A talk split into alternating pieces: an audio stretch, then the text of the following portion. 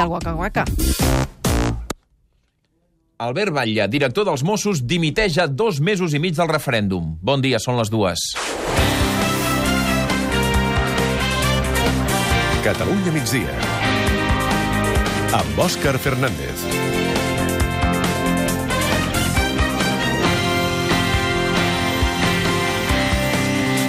Després del canvi de conseller d'Interior amb l'arribada de Joaquim Forn al lloc de Jordi Jané, la figura d'Albert Batlle havia quedat sota els focus. Batlle, que sempre havia defensat aferrissadament la neutralitat dels Mossos d'Esquadra en el referèndum, ha presentat avui la renúncia al nou conseller per motius polítics, ha dit.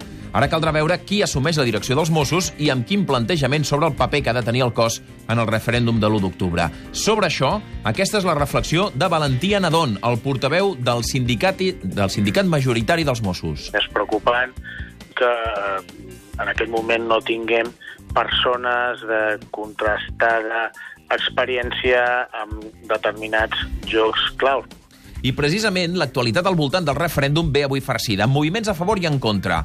Avui hem vist Marta Rovira declarant davant del jutge com a testimoni en el cas contra Carme Forcadell i membres de la mesa del Parlament per haver permès votacions sobre el referèndum. Rovira ha assegurat que els diputats independentistes se senten perseguits i coaccionats. Els diputats i diputades, en exercici de les nostres funcions, ens sentim perseguits, coaccionats, quan nosaltres plantegem debats parlamentaris en relació al dret a l'autodeterminació o en relació al procés d'independència de Catalunya. Per cert, que avui hem sabut que Lluís Coromina serà el nou portaveu parlamentari de Junts pel Sí en el lloc que ocupava Jordi Turull fins ara, que ara, recordeu, Turull és conseller de presidència.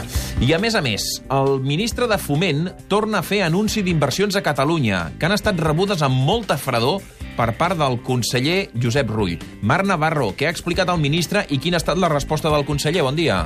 Hola, bon dia. Doncs ha anunciat diverses licitacions, millores a la R3 molt castigada. També ha parlat dels contractes que s'han fet per la R15, que recordem que avui s'ha restablert el servei. Diu que ja s'han contractat les actuacions per adequar el túnel, el túnel de, de l'Argentera. I el conseller Rull ha dit que volen el traspàs ja de les competències de Rodalies perquè creuen que tot plegat és insuficient.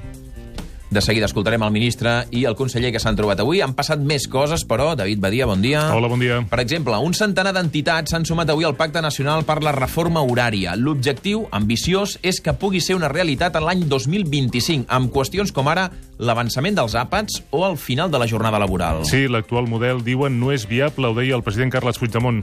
Malbaratem el temps i ho malbaratem amb una societat que ja malbarata aliments, que malbarata energia, malbarata recursos, que malbarata l'aigua.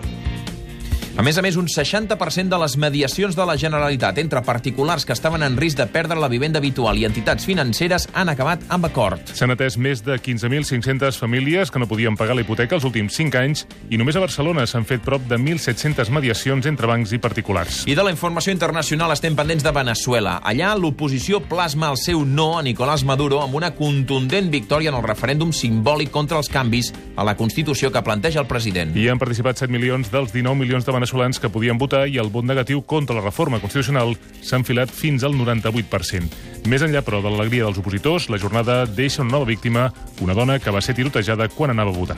I mentrestant es reobre el debat sobre si el considerat líder d'estat islàmic està mort o no. Sí, la història repeteix. Rússia va donar per mort Abu Bakr al-Baghdadi el mes passat, la setmana passada. La confirmació arribava per veu de l'Observatori Sirià de Drets Humans. Doncs bé, ara el màxim responsable dels serveis Kursk de contraterrorisme assegura que Bagdadi és viu. És més, al sud de la ciutat de Raqqa, escenari ara de violents enfrontaments. I, a més a més, en temps de cultura, estarem pendents del Liceu, que torna a representar avui Il Trovatore. Ho fa, però, amb un muntatge molt particular que recupera l'essència d'aquesta òpera de Verdi, Montse Pujol. Així és, la sèrie de gravats als desastres de la guerra tindrà vida pròpia a través d'una posada en escena molt tecnològica i on apareix el pintor aragonès com a personatge d'excepció interpretat per Carles Canut.